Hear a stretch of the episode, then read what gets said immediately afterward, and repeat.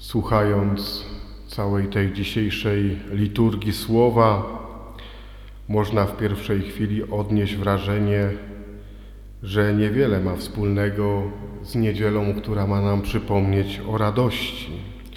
Wręcz przeciwnie, od pierwszego czytania z Księgi Kronik aż po Ewangelię słyszymy o grzechu, o upadku człowieka, o upadku całego narodu wybranego. Słyszymy o tym, jak człowiek zostaje potępiony, jak wybiera ciemność.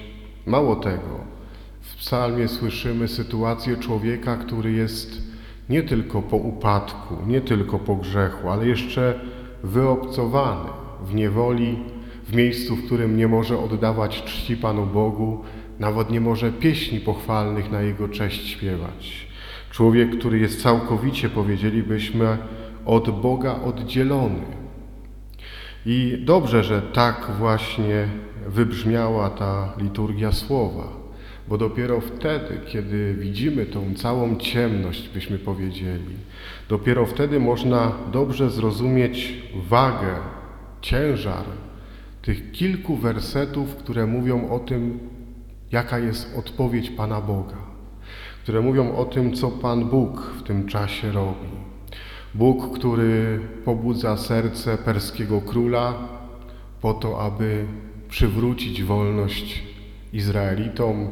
Bóg, który posyła syna po to, aby w jego świetle każdy znalazł zbawienie. Bóg, który buduje, buduje na nowo relacje z człowiekiem, buduje na nowo relacje, której człowiek może się odnaleźć. I to właśnie jest powód dzisiejszej radości. Te kilka wersetów, w których pokazany jest Bóg, o którym święty Paweł dzisiaj pięknie mówi, że jest Bogiem miłosierdzia. Bogiem, który nieustannie zbawia człowieka, Bogiem, który robi wszystko, co może, żeby człowieka zbawić.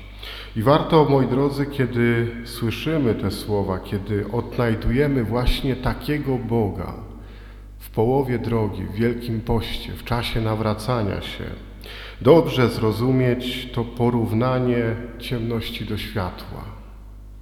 Bo to jest coś, co przekłada się i na nasze indywidualne życie, i na naszą drogę wiary, i na życie ludzi wokół nas, a nawet na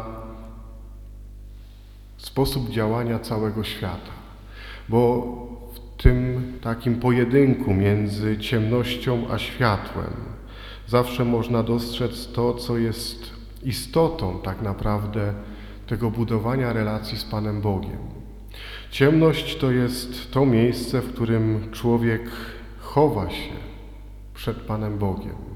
Chowa się ze swoim grzechem, chowa się ze swoją słabością, chowa się z tym, co jest dla niego trudne do zaakceptowania, może z tym, co wymaga zmiany, korekty.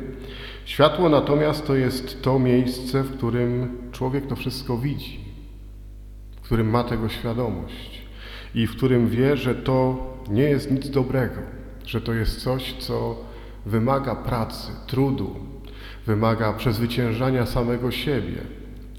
I to jest dlatego ważne, bo to z jednej strony nam pokazuje, na czym polega ta droga Wielkiego Postu i droga nawracania. To jest tak naprawdę droga wystawiania siebie na światło, które daje Chrystus.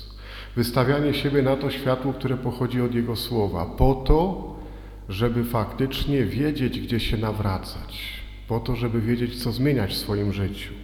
Ale to jest też prawda o tym, dlaczego wiele osób dzisiaj możemy spotkać takich, które mówią, że są niewierzące, albo że nie chcą chodzić do kościoła, albo że nie chcą się modlić, nie chcą uczestniczyć w Eucharystii czy w spowiedzi świętej.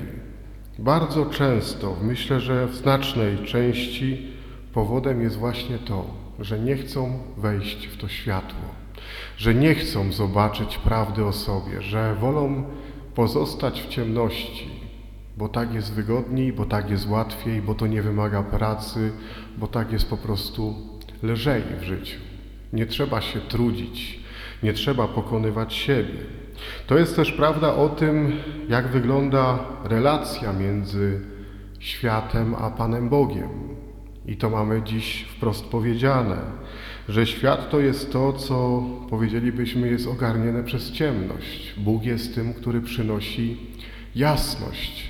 I nie chodzi tu o żadne teorie spiskowe dziejów, o to, w jaki sposób wybrani ludzie chcą zniszczyć Kościół. Chodzi o to, co dzieje się od początku, kiedy Chrystus pojawia się na świecie, od początku historii zbawienia, od początku tego troszczenia się Pana Boga o człowieka.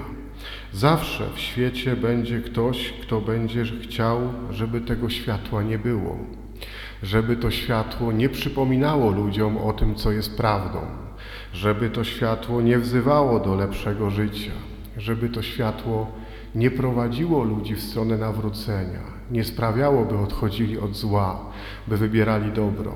Zawsze będzie świat, który będzie chciał ciemności, bo ciemność będzie się bardziej opłacała, bo będzie korzystniejsza, bo będzie przyjemniejsza, bo będzie wygodniejsza. I bardzo często dzisiaj, kiedy słyszymy tych, którzy tak mocno chcą wymazać Pana Boga z świata, wymazać Go z przestrzeni publicznej, wymazać Go z słowa, które jest zgłoszone, to przede wszystkim po to, żeby to światło już nie oświeciło żadnego człowieka, żeby on sobie został w ciemności, bo wtedy jest łatwiejszy do wykorzystania, bo wtedy łatwiej go można zmanipulować, bo wtedy można na nim więcej zarobić. Zachęcam, moi drodzy, do tego, żebyśmy od tej połowy Wielkiego Postu przez te kolejne tygodnie spróbowali szukać światła, światła Chrystusa, tego światła, które Bóg dał światu po to, aby świat mógł zostać zbawiony. To jest bardzo znamienne, że to, że staniemy wobec Pana Boga w prawdzie, że to, że On oświeci nasze życie, że pokaże nam, jak ono wygląda, że nawet nam pokaże wszystkie braki, że pokaże nam, co trzeba zmienić, nie jest powodem do potępienia. Bóg nie robi tego po to, żeby potem pokiwać palcem i powiedzieć: Jesteś złym człowiekiem. Nie. Robi to po to, żeby powiedzieć: Tutaj popracujemy, bo jesteś wart zbawienia, bo jesteś wart mojego syna, bo jesteś wart jego śmierci, bo dla ciebie umarł i zmartwychwstał. Po to jest to światło. To jest światło, które daje niesamowitą nadzieję człowiekowi, które otwiera tak naprawdę człowiekowi drogę do Pana Boga. Zachęcam, żebyśmy tą drugą część Wielkiego, Wielkiego Postu faktycznie chodzili w tym świetle Chrystusa. Amen.